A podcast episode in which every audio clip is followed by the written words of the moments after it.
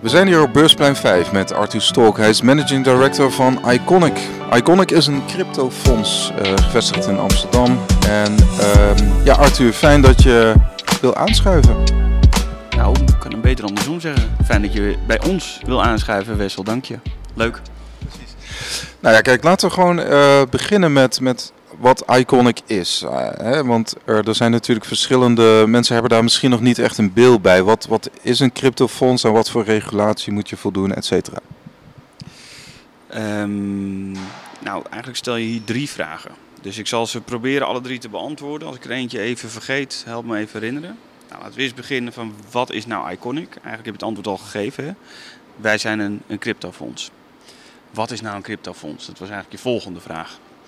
Nou, uh, wat wij doen, wij beleggen voor participanten die uh, een belegvermogen hebben van 100.000 euro of meer en dat bij ons willen onderbrengen. En wij betreden daarmee de cryptomarkten en treden daarmee op de bitcoinmarkten en cryptomarkten.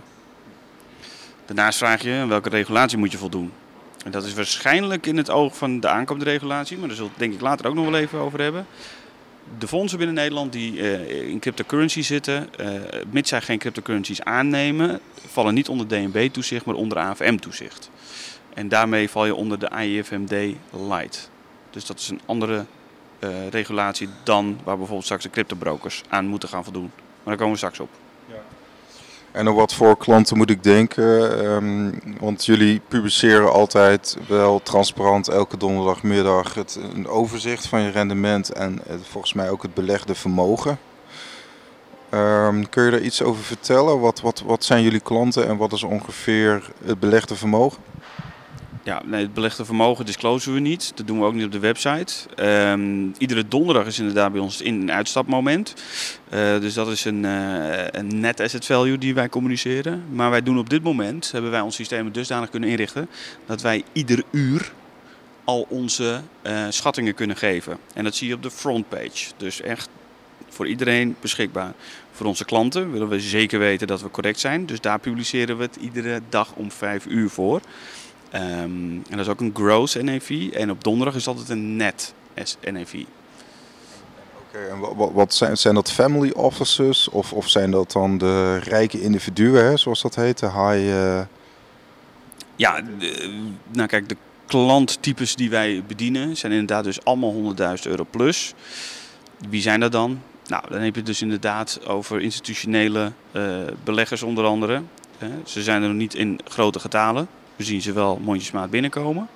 En daarnaast... Waar moet je dan aan denken? Uh, want een pensioenfonds, een Nederlands pensioenfonds lijkt me nog niet. Maar... Nee, dan hebben we het over vermogensbeheerders onder andere. Omdat die toch wel heel veel vraag krijgen van klanten naar crypto's. Um, en uh, je ziet dat deze uh, partijen zeer traditioneel zijn en uh, nog niet echt ingevoerd zijn in de markt zoals wij dat zijn. En die zoeken dan correcte partijen die dat wel kunnen aanbieden. Nou, wij zijn daar onder andere één van binnen Nederland. Want wat, uh, ja goed, toch even, hè, want jullie hebben een actief tradefonds, hè, dus jullie treden actief. Uh, hoe, hoe ziet een gemiddelde dag er eigenlijk uit voor jou bijvoorbeeld? En dan, jij, jij bent managing director, dus jij moet ook heel veel managen. Maar je hebt natuurlijk ook gewoon de, de 24-7 trading. Hoe, hoe werkt dat? Nou, hoe ziet een normale dag eruit? Ik sta op tussen 5 en 6. Ik stap onder de douche, ga naar beneden, ik eet wat. Ik pak de bus naar Amsterdam. Uh, dus dan ben ik hier vaak tussen half acht, half negen. Afhankelijk van hè, uh, hoe het ochtends loopt. Ik heb ook nog een kind, dus het kan nog wel eens zo zijn dat ik uh, het wat drukker heb ochtends. Jou wel bekend als ik je zo zie lachen. dus uh, nee, dan, dan bekijk ik altijd eerst eventjes, loop ik heel snel door mijn e-mail heen. Dat is toch wel zeer veel. Ik kijk iedere dag naar de resultaten. Dus wat is er vannacht gebeurd? Uh, even voor de goede orde, we hebben een 24-7 desk, dus het is altijd bemand. Uh, dus mo mocht er echt iets uh, aan de hand zijn, dan kunnen zij mij altijd bellen. Uh, want er zou zomaar iets kunnen zijn en er moet een besluit worden genomen. Dan kan ik of Imre, want dat is natuurlijk mijn, mijn partner in dit bedrijf, kunnen, wij kunnen die besluiten nemen. Um, nou ja, eigenlijk ziet het er zo uit, de, de, loop van de dag. Ja, het is heel wisselend wissel eigenlijk als je echt, als je echt op, op tradingniveau het uh, een keer zou willen weten, dan, dan zouden we Imre erbij moeten vragen. En die kan jou daar echt alles over vertellen. Ja. Maar goed, jullie hebben een aantal beurzen met wie jullie gewoon ook zaken doen. Dan bijvoorbeeld Binance, Deribit, toch? Jullie doen niet alleen spotmarkt, maar ook uh, opties, uh, eventueel futures of hoe? Nou, wij disclosen nooit op welke beurzen wij handelen.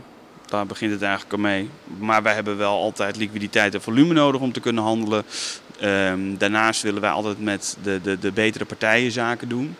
Dus het houdt in dat zij ook hun KYC-procedure en EML-procedure op orde moeten hebben. Nou, en dan komen we toch weer terug op het stukje regulatie. Hè? Mm. Zometeen weten wij dat ook bijna zeker, want deze partij moet zich ook registreren bij de DNB. Dus wij zullen vanaf juli volgend jaar, als er dus definitieve registraties worden uitgedeeld, ook alleen nog maar handelen op, met partijen die deze registratie hebben. Ja, je hebt het over juni volgend jaar. Er is een soort overgangsregeling. Hè? Dus per 10 januari gaat het officieel in de wet. Dat is het idee. En dan is er nog een overgangsregeling van zes maanden, toch?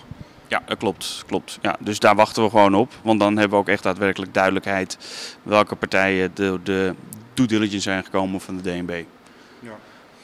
Nou ja, zoals het er nu naar uitziet, uh, zijn er toch wel circa tien partijen die van plan zijn om te gaan registreren. Uh, wat, wat zijn voor jullie dan de, de voordelen? Uh, hè? Dus, dus kun je met, met dat soort brokers, zal ik het zo zeggen, is het voor jullie zeg maar een, een, een, een, een, variabele om met een broker samen te werken? Um, nou ja, kijk, om daadwerkelijk met brokers samen te werken op dit moment. Kijk, wij doen high frequency trading. Dus moeten echt op exchanges aanwezig zijn. Um, ja, wat is nou het voordeel? Het brengt gewoon legitimiteit in deze markt. En dat is nog steeds wat we missen. Op, op het moment dat wij zeker weten dat deze partijen hun procedures op orde hebben, is het niet meer schimmig, is het niet meer vaag. De regels zijn nog even strenger dan de huidige financiële regels. Dus er wordt nog een top bovenop gegooid. Nou ja, als je zelfs in de strengst gereguleerde markt van Nederland, financiële markt van Nederland, niet durft te investeren omdat je nog steeds schimmig en eng vindt, nee, dan, dan uh, heb je een persoonlijke angst, daadwerkelijk voor cryptocurrencies.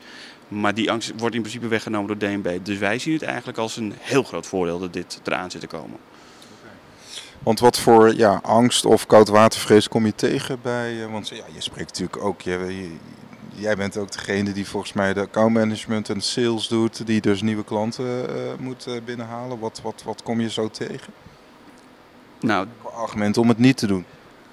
Um, ze vinden voornamelijk volatiliteit eng. Hè? Laten we eh, wel, wel zijn. Uh, als de, de Amsterdamse beurs 5 tot 10 procent zakt op een dag, nou, dan is er paniek all over. Dan staan de kranten de bol van, staat het nieuws bol van. Ja, en als dat in crypto of bitcoin gebeurt, ja, just another day in crypto. Dus, uh, en dat is wat vaak mensen bezwaarlijk vinden en eng vinden.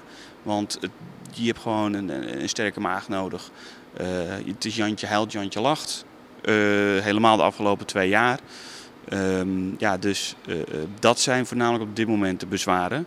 En de zwoeng van schimmigheid, waar ik het net over had. Dat is wel iets wat we, wat we op dit moment goed kunnen wegnemen. Ook door de aankomende regulatie aan de klant ook aan te tonen. Dat wij inderdaad alleen met partijen zaken doen die het goed voor elkaar hebben. en wij ook aan de achterkant. Dus ja,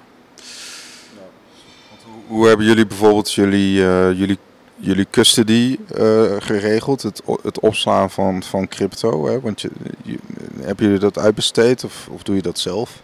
Nee, alles is uitbesteed. Ja, want uh, daar zijn gewoon hele goede partijen voor. Simpel. Okay. Kun je die partij noemen? Nee, natuurlijk niet. Net als onze exchanges. Nee, dat, dat is ons geheim nog steeds. Uh, ING hè, die, die wil die markt gaan betreden. Is dat dan, is dat dan van jouw reden om, om een afspraakje te maken met ING? Of? Uh, nou, nog niet direct, want het is natuurlijk nog allemaal uh, in progress bij hun. Ehm, dus we moeten gewoon even afwachten. Wat ik wel denk, is dat er daardoor meer vertrouwen komt ook naar deze markt toe. Op het moment dat grote financiële instellingen zoals banken, zoals een ING, zich hiermee gaan bemoeien.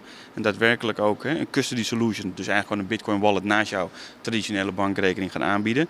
Betekent dat dat mensen ook denken van, hé, hey, dus het kan wel makkelijk en veilig. Want ze zullen dan waarschijnlijk ook de in- en verkoop van bitcoin of een andere crypto zullen gaan faciliteren. Dus wordt de stap een stuk kleiner en het is al bij een vertrouwde partij. En dus zal het ook wel vertrouwd zijn wat zij doen. Ja. Zie je het in, in die zin als een concurrent of, of, of, of niet? Hè? Want ja, zij hebben natuurlijk ook handelaar in dienst. Ja, je zou kunnen zeggen. Nou, ik heb nog geen uh, informatie vernomen uit de markt dat zij daadwerkelijk uh, willen gaan traden op deze markt. Uh, ik denk dat ze eerst rustig gaan beginnen om te kijken met een, met een wallet en een custody solution. En ik denk dat het al een mooi begin is. Oké, okay. dus eigenlijk ja, als, als, we, um, als we dan toch kijken, regulatie is nodig in deze markt. Um, als we kijken naar de ontwikkeling 2019 begonnen we natuurlijk vrij laag. Toen hadden we die uh, laten we het even de markt hebben. Toen ging die prijs natuurlijk richting 14.000 dollar. En nu zitten we weer iets boven de 7.000 dollar. Hoe, hoe kijk jij terug op dit jaar? Nou, ik denk dat, uh, dat hey, jij bekijkt nu vanuit de markt. Ik kijk het eigenlijk even vanuit Iconic. Iconic heeft dit jaar uh, de meeste klanten geonboard, denk ik, vanuit de hele sector. We zijn beste cryptofonds voor Nederland ook geworden, uitgeroepen onder andere ook door het publiek. Maar ook mede door het beleggingsmagazine Cash. Dus de Cash Cow Award. Um, ja, we zien dus inderdaad dat DNB met zijn reglementen gaat komen. De ontwikkelingen staan gewoon niet stil. We zien dat exchanges beter, professioneler zijn geworden. Verbindingen zijn stabieler geworden. Ehm, er worden meer producten aangeboden. Uh, wat je ook net zegt, we zien dus inderdaad dat traditionele financiële partijen zich ermee gaan bemoeien. En dat was in 2007, 2018, riep iedereen dat en wilden ze dat. Maar nu zijn ook daadwerkelijk de aanwijzingen ervoor en komen ze zelf met persberichten naar buiten. Nou, dus ik zie eigenlijk dit jaar als een zeer mooi groeijaar. Niet alleen voor Iconic, maar ook voor de hele sector. Ondanks dat de prijzen onder druk stonden. Ja. Want eh, als ik moet denken in aantallen klanten, wat, eh, bedienen jullie zeg maar tientallen klanten of zijn het zeg maar een handje vol, maar dan een grote klant? Hoe, hoe werkt dat dan? Nee, het is uh, inderdaad geen handje vol. Het zijn wel tientallen. We gaan nog niet naar de honderdtallen toe, maar dat komt ook omdat we nog steeds in een niche opereren. Dus op dit moment trekken wij natuurlijk wel een bepaald soort investeerder wat, wat trekt mensen over de streep? Zeg maar, ja, goed, een rendement zou je kunnen zeggen, maar goed, dat weet jij beter. Nou, een van de aspecten is natuurlijk gewoon rendement. Mensen zijn altijd op zoek naar rendement als ze investeren. Ze investeren namelijk niet om te verliezen. Nee. En uh, wij hebben dit jaar uh, tot nu toe rond de 30% plus gedraaid op ons uh, algorithmic fund. Wat gezien de markt, wij vinden altijd dat we het beter kunnen doen. Laten we dat even heel erg duidelijk voorop stellen. Hoe was het in 2018? in 2018 hebben we ook op ons algorithmic fund hadden we poeh, uit mijn hoofd volgens mij 15% gedraaid. Ja, ja, ja, ja, ja, Dat heeft jullie wel toen gered in, in, in die zin?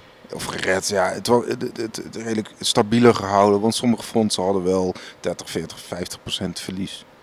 Sommige zelfs 80. Ja, het, is, het, was gewoon drama. Maar ja, goed, het hangt van je strategie af uh, welke jij aanhangt. En daar is niks mis mee, want het is jouw strategie.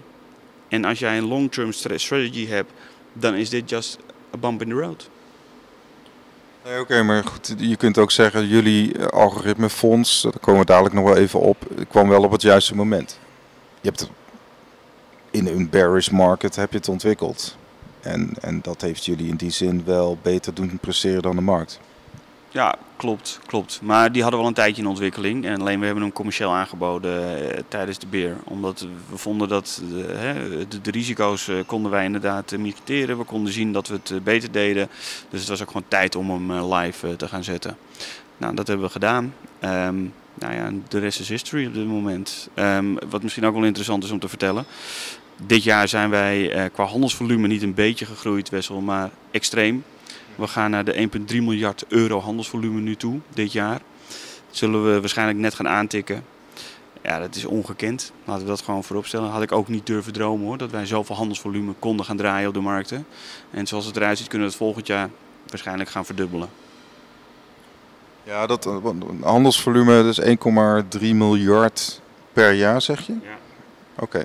Dus dat is, uh, en als je het vergelijkt met 2018, is dat een behoorlijke stijging? Nou, dat is niet een behoorlijke stijging, dat is een enorme stijging. Okay. Ja, dat is uh, ja, enorm. Dan heb je het dus ongeveer op uh, 100 tot 150 miljoen per, per, per maand, gemiddeld genomen. Ja, gemiddeld genomen. Je hebt drukke dagen bij, je hebt minder drukke dagen bij. Hè, de markten zie je wel dat er een stuk minder volume nu in de markten zit. Hè. Uh, als het eh, volatiel wordt, dan gaan wij wel lekker uh, tekeer. Um, maar goed, als het rustiger is en er is wij, de counterparties willen ook niet handelen, ja, dan blijft de prijs relatief stabiel. jij een volume draait van ongeveer 10 miljoen per, per dag, of, of iets daaronder, tussen 5 en 10 miljoen per dag, ehm, dan kun je ook bepaalde kleinere cryptomunten uh, laten beïnvloeden, zou ik zo zeggen. Toch? Dan heb je wel het soort volume om de lagere caps te beïnvloeden, of is dat niet wat aan de orde is? Ik weet niet waar je naar op zoek bent, maar dat is niet wat wij doen. Eh, eigenlijk zoals ik aan het begin van het interview ook aangaf, is wij handelen zeg maar alleen op de liquide paren en ook op de liquide exchanges. Want wij moeten altijd kunnen exiten. Stel dan dat de klant er morgen uit wil en die klant heeft bij ons, ik noem even een dwarsstraat, 6 ton staan en die zegt ik wil die 6 ton hebben. Op het moment dat wij in illiquide munten zitten, kunnen wij dat niet omzetten. En dan hebben wij een probleem en daarmee onze klanten. Dat willen wij ten alle tijde voorkomen. Daarnaast denk ik dat dat gewoon niet correct is om te gaan doen. Dus dat is ook waar wij ons compleet verder van houden. Dus om eventjes duidelijk te maken, wij handelen top 20. Met af en toe een exote tussen die in de top 100 staat. Um, Nee, geen stratus. Nee, nee, nee. Maar bijvoorbeeld kleinere coins die dan in één keer gelist worden op, op, op Coinbase of Kraken of zulke soort. Uh, en dan zie je van hé, hey, er is dus vertrouwen in, dan kunnen wij er ook uh, in gaan. En dan zullen we altijd met kleine posities handelen. Um, want het heeft ook helemaal geen zin. Oké, okay, de top 20 hè? en dan uh, uit mijn hoofd zitten jullie ongeveer 25% de bitcoin, meen ik. En dan, en dan heb je de rest verspreid. Ja, ja het, het, verschilt natuurlijk iedere keer per moment. Hè. Het kan, kan nu 20%, 50%, hangt er net vanaf uh, hoe de markt uh, zich, uh, zich verhoudt. maar ongeveer heb je dat wel correct, ja. Want hoe, kijk je persoonlijk tegen bitcoin aan? Is, is dat voor jou zeg maar ja, gewoon een, um, ja, een, een, een, een handelspaar? Zie je het als een handelspaar of zie je het ook echt als een ja, baanbrekende technologie? Denk je dat je, heb je er ooit mee betaald bijvoorbeeld? Nou, ik zal je één ding zeggen. Ik weet niet wat jij doet, maar ik, ik koop nooit met euro's. Of sorry, ik. ik nee. ik, ik koop geen bitcoins. Ik verkoop euro's. Dat is een doordenker. Jij verkoopt, uh, oké, je wil zeggen ik betaal met euro's. Juist. Ik heb te weinig bitcoin. En volgens mij jij ook. weet je helemaal niet. Iedereen heeft te weinig bitcoins. Laten we dat voorop stellen. Maar goed, eh, ik begrijp hieruit wel dat, dat je ziet bitcoin wel degelijk als een soort, soort game changer, toch? Of, of... Hoe bedoel je game changer? Kun je die even... Nou, de, de, dus qua asset, hè? Dus, dus je ziet uh, als investeringsasset, maar ook als, als, als, als technologie, als soort settlement layer uh, ledger technologie, en eventueel ook als betaalmiddel. Het heeft natuurlijk drie. Het heeft verschillende functies, kan het hebben. Maar goed, jullie zitten met name op het asset stuk van Bitcoin. En ik vroeg me af hoe je persoonlijk tegen de technologie aankijkt. Um, ik denk dat hè, de, de technologie, ik denk dat je dan kijkt naar blockchain technology, heel simpel. Dat is het allereerste voorbeeld gewoon van een goed duidelijke blockchain. En ik denk inderdaad dat de blockchain meerwaarde gaat hebben. En welke currency erachter hangt, dat zal de toekomst moeten uitwijzen. Maar blockchain-technologie heeft zeker de, de, toekomst. Ik heb een heel mooi voorbeeld, hebben wij ook geïmplementeerd op onze eh, website. Uh, dus eigenlijk een kleine shout-out naar WordProof. Ik weet niet of je die jongens kent die timestampen content op de blockchain. Dus als wij een nieuwe blog posten, wordt direct getimestampt. Als iemand het kopieert of steelt van ons, kunnen wij altijd aantonen dat wij de rechtmatige eigenaar zijn van die content. Nou, daarvoor bijvoorbeeld is de blockchain uitermate geschikt. En wat deze jongens zo goed hebben gedaan, is eigenlijk dat het gewoon een plugin is in WordPress. Je krijgt gewoon een factuur van hun. Je ziet geen blockchain, je hoort geen blockchain, helemaal niks. Het gaat volledig automatisch. En ik denk dat dit een prachtig voorbeeld is van hoe blockchain in de praktijk kan werken. Ja. Dus en, en als we kijken qua assets, zijn er naast de rendement nog andere aspecten eh, die een uh, ja, belegger over de streep kunnen trekken? Ja, dat zijn eigenlijk altijd hele persoonlijke vragen aan de belegger. Hè? Iedereen die, die, die heeft een hele andere kijk. Uh, we komen mensen tegen die willen diversificeren. We komen mensen tegen die zeggen van ik heb me ingelezen, dit is volgens mij de next thing, alleen ik weet niet hoe. Wij willen jullie mij helpen met hè, de zorg uit handen nemen. Nou, dat doen wij dan ook. Ja, zo heb je zo heeft iedereen zijn eigen wensen. Maar de grondslag ligt, iedereen wil rendement zien. Daarvoor zijn ze er uiteindelijk. Oké, hoe is het om een beginnend cryptobedrijf in Nederland op te richten? want er wordt natuurlijk geklaagd over het lastig een bankrekening krijgen door andere bedrijven. Dat vindt iedereen altijd heel spannend om te weten. Hoe kom je aan een bankrekening? Nou, um, Wij hebben in samenwerking met een van de grootste advocatenkantoren, misschien zelfs wel de beste van Nederland en internationaal gezien ook, hebben wij al onze fondsdocumentatie opgesteld. We zijn naar de AFM gegaan, echt persoonlijk, met ze gesproken hoe we het wilden gaan inrichten, wat we wilden gaan doen. En daarna hebben we een application gedaan bij een bank. En we hebben met die bank ook gewoon daadwerkelijk gesproken, daar met compliance gesproken. Wij hebben trouwens, ik denk dat daarom het ook ons is gelukt, wij hebben in-house compliance, die continu op de risico zit bij ons. Wij hebben onze uh, eh, EML en KYC-procedure, die straks dus voor iedereen verplicht hadden wij dus al 2,5 jaar geleden helemaal op orde. Plus, wij deden zelfs nog wat extra's. Wij deden ook nog Origin of Funds tot helemaal nou, als iemand een tien jaar terug een miljoen had gekregen, wilden we dat ook gewoon zien. Dat we 100% zeker wisten dat het inderdaad correct was. Nou, en tot zover hebben wij dit dus helemaal, kunnen wij dat in kaart brengen. Hebben we ook gedaan voor iedere klant. Klanten vinden dat iets minder, kan ik je vertellen. Maar goed, het wordt nu gewoon de regel, ook in traditional finance. En ehm, ja, wij hebben dat dus op deze manier ingericht door gewoon degelijk, professioneel en misschien zelfs een tikkeltje saai te zijn. En daardoor hebben wij onder andere die bankrekeningen kunnen verkrijgen. Ja, je, wilde geen, je wilde geen risico lopen achteraf. Dus dat je achteraf uh, pleisters moest plakken. Nee, dat klopt helemaal. Want we bedienen natuurlijk wel een bepaald marktsegment. En dan moet het gewoon kloppen. En dat is ook wat wij pretenderen te doen. En dat doen wij ook iedere dag weer. Ja. Dan komen we bij de huisvesting. Uh, dat was gewoon te huur, neem ik aan. Uh, want ja, ja, nee joh, er stond een advertentie in de krant. Ik denk, nou, daar ga ik op reageren. Nee, zo, zo werkte het niet. nee, ik, uh, via via ben ik uh, in contact gekomen met uh, wat handelaren hier op Beursplein 5. en die hebben mij de kans gegeven om vanaf hier op te zetten en op te bouwen. Mits ik me natuurlijk ook aan wet en regelgeving hou. Dus we hebben wel met een uh, klein gespleten oogje, knipoogje meegekeken, links, rechts, of wij het wel correct deden. Nou, ze zijn volgens mij hartstikke blij met ons. We hebben onlangs ook weer ons contract verlengd hier zo. Dus uh, ja, wij zitten hier voorlopig nog.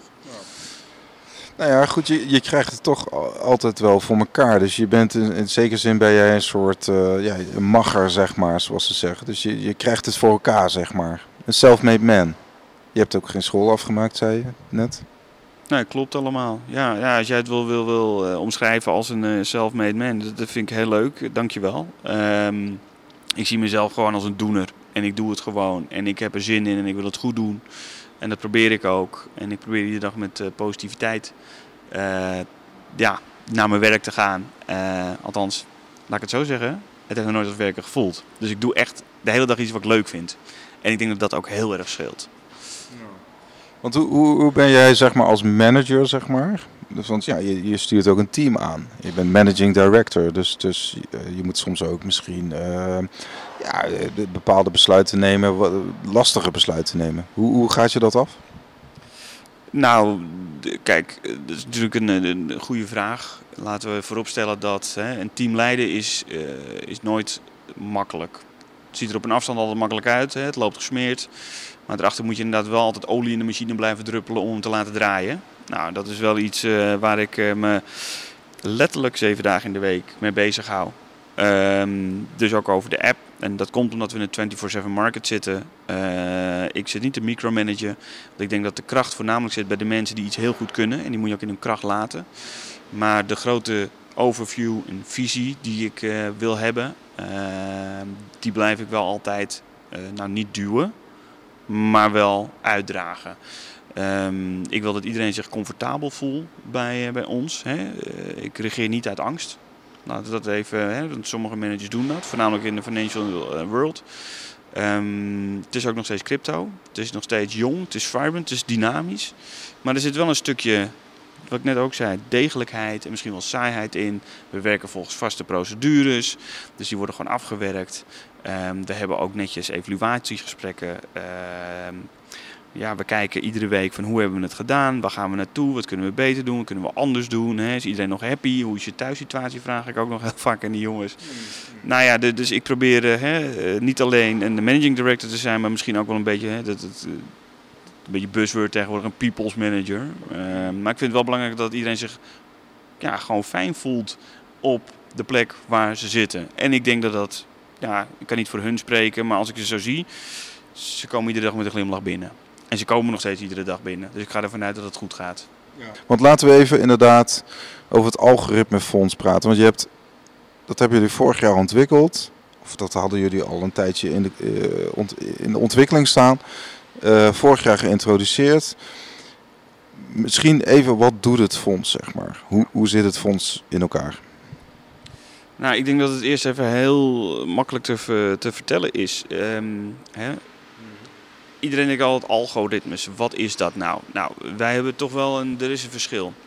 Wij doen echt op dit moment, hè, onze algoritmes zijn in staat tot eigenlijk bijna iedere strategie. Uh, we zijn ze ook iedere dag aan het bijpunten en nieuwe strategieën aan het ontwikkelen. En dan hebben we het echt over honderdduizend strategieën die gedeployed worden. Dus niet een paar, maar mega veel. Daar, daar worden we ook steeds beter in. Daar hebben we ook de juiste mensen voor in dienst. En dat team zijn we ook letterlijk aan het uitbreiden. Dat zijn quants, noem je die? Ja, klopt. klopt. Dat zijn quants. Maar uh, heel veel partijen schermen met high frequency trading. Nou, dat is dus echt iets wat wij doen. En dan hebben we het dus echt over tussen 10 en 30.000 trades per dag. En in de hoogtijdagen kan het zelfs nog oplopen. Nou, sommige fondsen zeggen dat ze ook high frequency zijn, uh, voornamelijk in Europa. En uh, ik heb ook met ze gesproken en die doen dan 10, 12 trades per dag. Nou, dat noem ik geautomatiseerde handel en geen high frequency trading. Mm. Waar wij tegenaan lopen, onze algos en uh, plekken zijn dusdanig snel.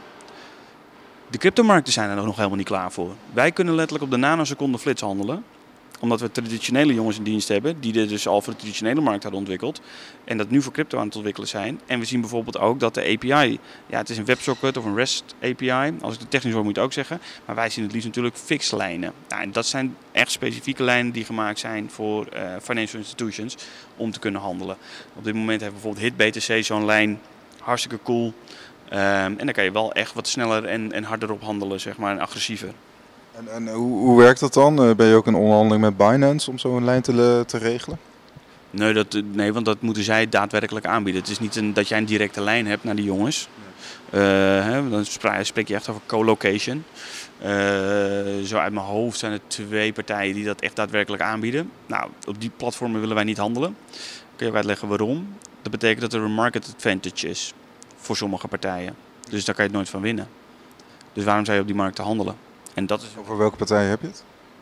Nou, die moet je gewoon gaan googlen. Ik ga ze niet disclosen, maar ze zijn niet zo heel moeilijk te vinden. Ja. dus er zijn bepaalde uh, exchanges die hebben zeg maar, zo'n flitslijn en daar handel je liever niet op. Begrijp ik. Nou, nee, dat, dat is verkeerd gezegd. Die bieden uh, voordeel aan sommige grotere partijen door ze letterlijk binnen de exchange te integreren. Waardoor die dus altijd een snellere verbinding hebben dan dat jij dat hebt. En uh, vorig jaar was het een compleet ander speelveld. Maar je ziet nu wel dat snelheid steeds belangrijker wordt. Net als in de traditionele markt dat een paar jaar geleden was. Nou, en dat spelletje dat hebben mijn uh, personen voor, ook uh, eerder gespeeld. Dus ja, het is voor ons eigenlijk alleen maar leuker aan het worden.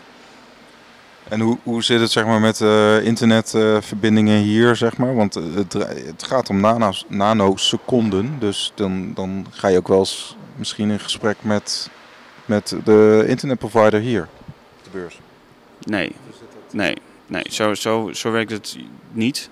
Um, dat is juist het mooie aan, aan crypto. En daarom zijn de partijen zoals ons ook gewoon winstgevend binnen de crypto, binnen de crypto wereld. Uh, ik denk dat het even goed is om een uh, vergelijking te maken met traditioneel. Want daar zit de denkfout bij de, bij de meesten. En ik hoor eigenlijk uit jouw vraag ook dat daar de denkfout zit. Ja. Traditioneel, daar was de beurs echt letterlijk uh, de beurs. Net als dat we dat hier in Amsterdam hebben. Nou, de matchmaking engine, dus waar de partijen worden samengevoegd, dus de koper en de verkoper worden samengebracht, excuus. Um, ja, dat wil je zo snel mogelijk doen. Dus had je een aparte lijn naar die beurs toe, bijvoorbeeld als grote partij. Nou, tegenwoordig werkt het zo dat alles in de cloud draait. Dus alle grote cryptobeurzen, die hebben niet een fysieke beurs ergens. Nee, die draaien in de cloud. De ene draait in Amazon, de andere draait in de Google Cloud. De andere zit dus in San Francisco in de cloud, de andere zit in Tokio in de cloud. De andere zit bijvoorbeeld in Frankfurt in de cloud, de andere zit in Dublin in de cloud. Daar gaan wij ook in die cloud zitten. Dat gaan we gewoon pingen, totdat wij een supersnelle verbinding hebben. En dat we weten dat we zo dicht mogelijk bij die exchange zitten. Nou, en dat spelletje, dat is niet heel lastig. Want dat iedere goede IT-nerd kan dit gewoon proberen. Dus het is ook geen geheim. Dat is gewoon uh, common knowledge bijna. Ja, en dat, is dat een beetje, kun je dat zien als het goud, zeg maar, wat jullie in handen hebben? Dat is wel een soort uh, advantage, toch? Een, een, voordeel ten opzichte van, van misschien andere fondsen. Nou, dat, ik, wil, ik wil niet meteen een advantage noemen. Ik denk dat de advantage ligt bij ons in dat we hele goede quants hebben, hele goede developers hebben. En hele goede hardware specialisten die exact weten wat ze doen. Ehm, en die maken onze algoritmes dusdanig optimaal. En ook de code is dusdanig optimaal. En daarmee hebben ze dus, wordt het geïmplementeerd op hardware die ook dusdanig optimaal is. Dan hebben we zelfs een verbindingsjongen die de verbindingen weer helemaal mega optimaal maakt. En die combinatie van de juiste mensen op de juiste plek maakt het dat wij dit kunnen doen. En dat maakt ons uniek. En, en meet je dan ook het resultaat? Hè? Want je hebt het dus over 10.000 tot 30.000 trades per dag. Um, uh, ja, sommigen zeggen ja, het, het, het, zit hem niet in de kwantiteit, maar in de kwaliteit. Ja, nee, dat, dat, dat, dat, klopt ook. Dat, zit het natuurlijk. Het het is hè, uh, kwantiteit is cool, maar de kwaliteit wordt afgemeten rendement.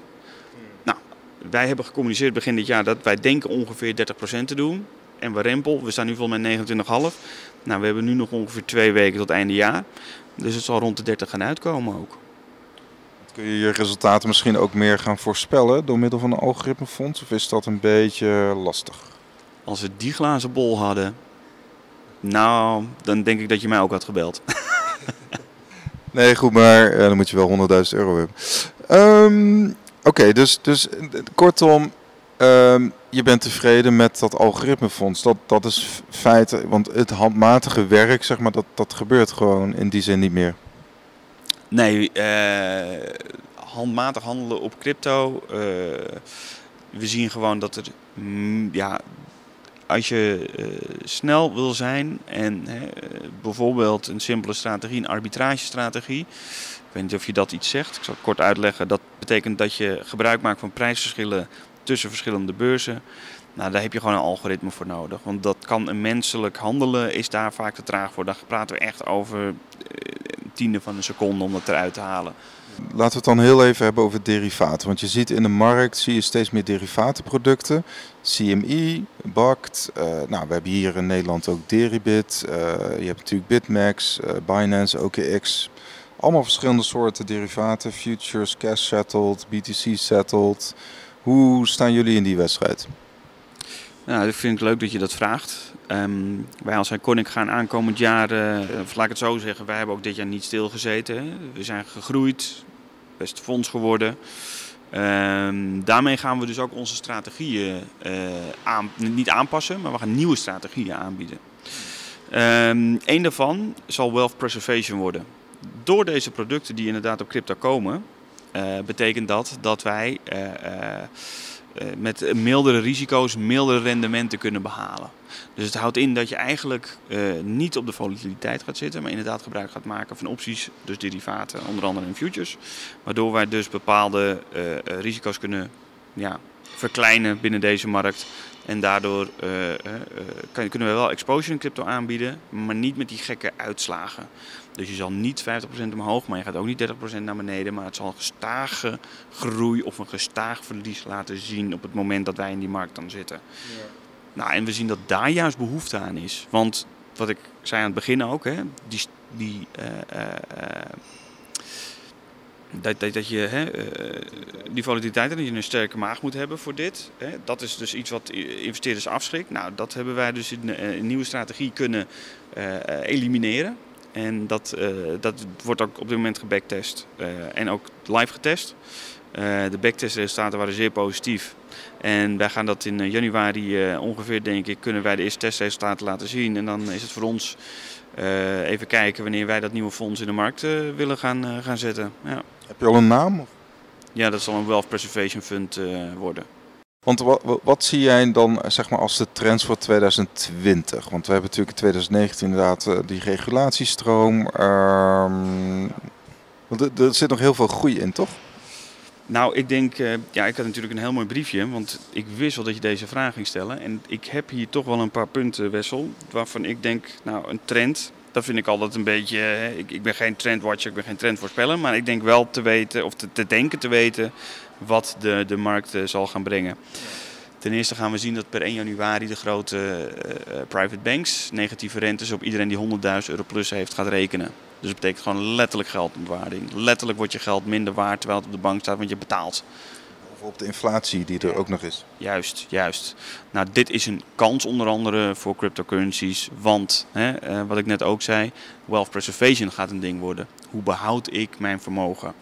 Nou, vandaar ook dat wij willen een, wealth preservation fund willen gaan lanceren. Want wij denken dat de, de, de, de high net worth individual uh, niet zijn ton of meer op de bank laat staan, maar gaat diversificeren. Ik denk persoonlijk dat we daardoor een vlucht zullen gaan zien in aandelen. Ik denk dat we een vlucht zullen gaan zien in, uh, in vastgoed onder andere.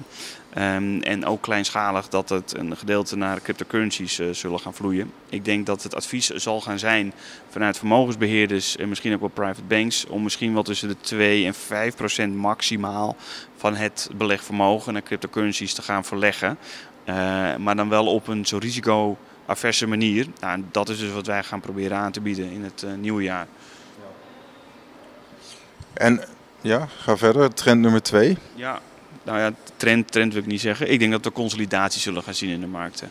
Ik denk dat de marktpartijen ook zullen gaan omvallen. Eigenlijk zien we dat nu al. We hebben CoinGarden afgelopen week gezien dat die. Uh, uh, het is, ja, maar de eerste zien we al.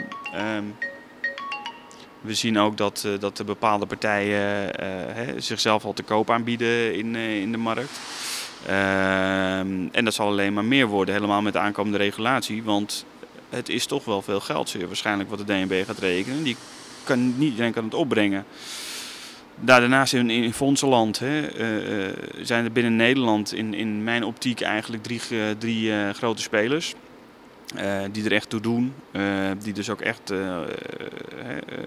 ja, hoe zeg je dat, uh, de, de, de markt domineren. Ik denk dat dat uh, zo te zeggen is. Uh, daar zijn wij er eentje van.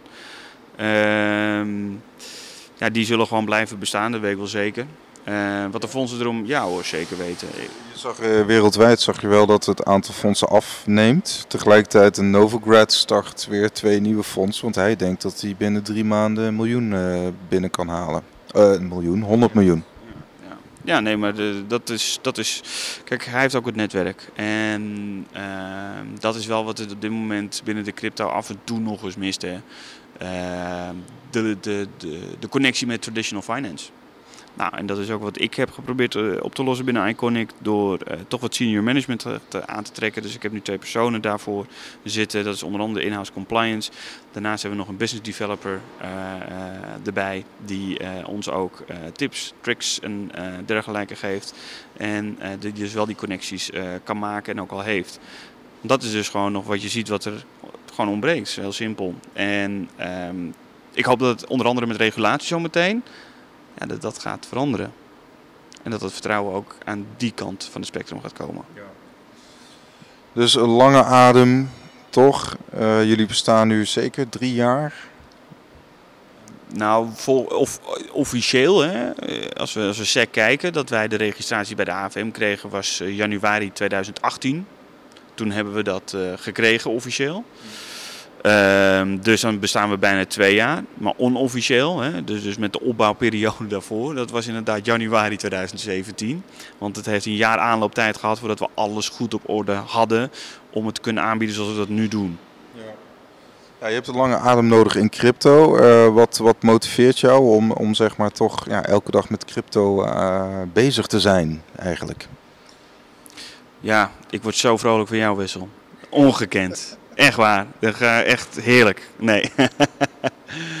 nee, wat ik, wat ik aan het begin even, even halverwege ook zei. Het, het heeft nog nooit gevoeld als werken. Nee. En ik denk dat dat heel belangrijk is. Als je met plezier dingen doet, dan heb je de energie ervoor. Je wordt er niet moe van. Je haalt er zelfs energie uit. Hè? Geen dag is hetzelfde in crypto. Letterlijk. En wij zitten dus echt gewoon op de markten. Hmm. Nou, daar gebeurt van alles en nog wat. Je ziet van alles en nog wat. Je spreekt iedere dag andere mensen. Iedereen wil altijd wel wat weten of zien. Of, of, hè? Het is gewoon echt heel erg leuk. Eén of twee vragen. Bijvoorbeeld, er gaan natuurlijk ook wat broodje aap verhalen in de ronde. Zeg maar. Je kent misschien dat verhaal over Tether en die marktmanipulatie eind 2017. Heb je daar nog een mening over? Want ik, ik, ik had laatst een uh, interview gehoord met iemand van Circle, de OTC Trading Desk. En die zei, ja goed, dat is gewoon onzin. Uh, dat is geen, geen één wil geweest.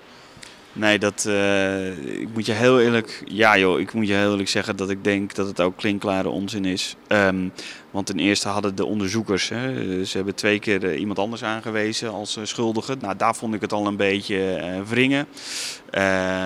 Bitfinex is mega transparant in wat ze doen. Daarnaast zien we dat Binance ook op dit moment hè, een zeer grote hoeveelheden tether bezit. Die is er ook hartstikke transparant over. Um, een ander voorbeeld wat ik u wel wil geven, dat wij net starten als fonds, had je natuurlijk ook. Hè? Bittrex was een van de grotere partijen toen de tijd, is nu iets kleiner geworden.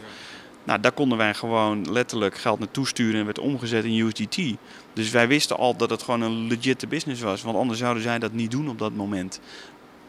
Gewoon heel simpel. En ik zou niet inzien dat er dus inderdaad uh, grote marktpartijen die zich allemaal met USDT bemoeien. Uh, vandaag bijvoorbeeld Kraken, hè, die is nu allemaal USDT-paren gaan listen.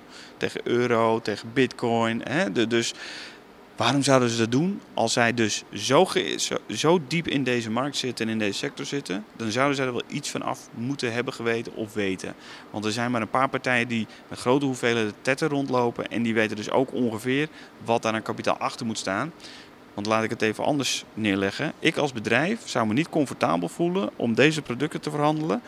Als ik maar ook maar enige kennis had van dat dit had geweest of is gebeurd. Hmm. Dan zou ik de vingers er niet aan branden. Want je brandt niet alleen de sector, maar ook je eigen bedrijf ermee. En dat zou je gewoon ten alle tijden willen voorkomen, lijkt mij. Ja. Nou, duidelijk, duidelijk. Dus, maar marktmanipulatie in die, ja, in die mate, dat, dat is misschien vergezocht. Maar marktmanipulatie komt wel voor, toch? We zien soms echt van die glitches op de grafieken. Bij Deribit had je natuurlijk die software bug. Nou, dat was een software bug. Uh, soms heb je natuurlijk bij, bij Bitstamp heb je ineens zo'n zo'n zo'n uh, zo'n wick naar beneden. Uh, ja, en, en, dan zie je bij Bitmax weer wat activiteit, omdat de spotprijs van Bitstamp is weer, uh, dat is de onderliggende spotprijs van, uh, van hun contracten. Maar hoe kijk je daar tegenaan? Tegen dat soort bewegingen in de markt? Wil je op beide antwoord hebben? Want ik denk namelijk dat manipulatie is overal aan de hand. Hmm. Ja, op iedere markt is manipulatie aan de hand. En of het nou specifiek op crypto is, je had het net over inderdaad kleinere coins, was je ook al een beetje op zoek naar manipulatie. Nou, dat zijn dingen waar wij ons sowieso altijd ver van houden. Of het gebeurt, soms kijk je wel eens naar grafieken, denk je van het lijkt niet organisch te zijn. Maar we kunnen onze vinger er niet achter leggen, heel simpel. Je hebt het over inderdaad vreemde bewegingen hè, in de markt. Ja, uh, het probleem met crypto is uh, dat, kijk, als er een, een, grote beweging is in traditionele markten, dat betekent dat er angst heerst. Dan wordt de handel even stilgelegd, kan iedereen op adem komen. Gaat het daarna nog verder, wordt gewoon de hele handel opgeschort voor 24 uur. En de dag daarna weer geopend, om, zodat de angst een beetje uit de markt is, dat iedereen weer kan kalmeren. Crypto is gedecentraliseerd, crypto is wereldwijd, supranationaal.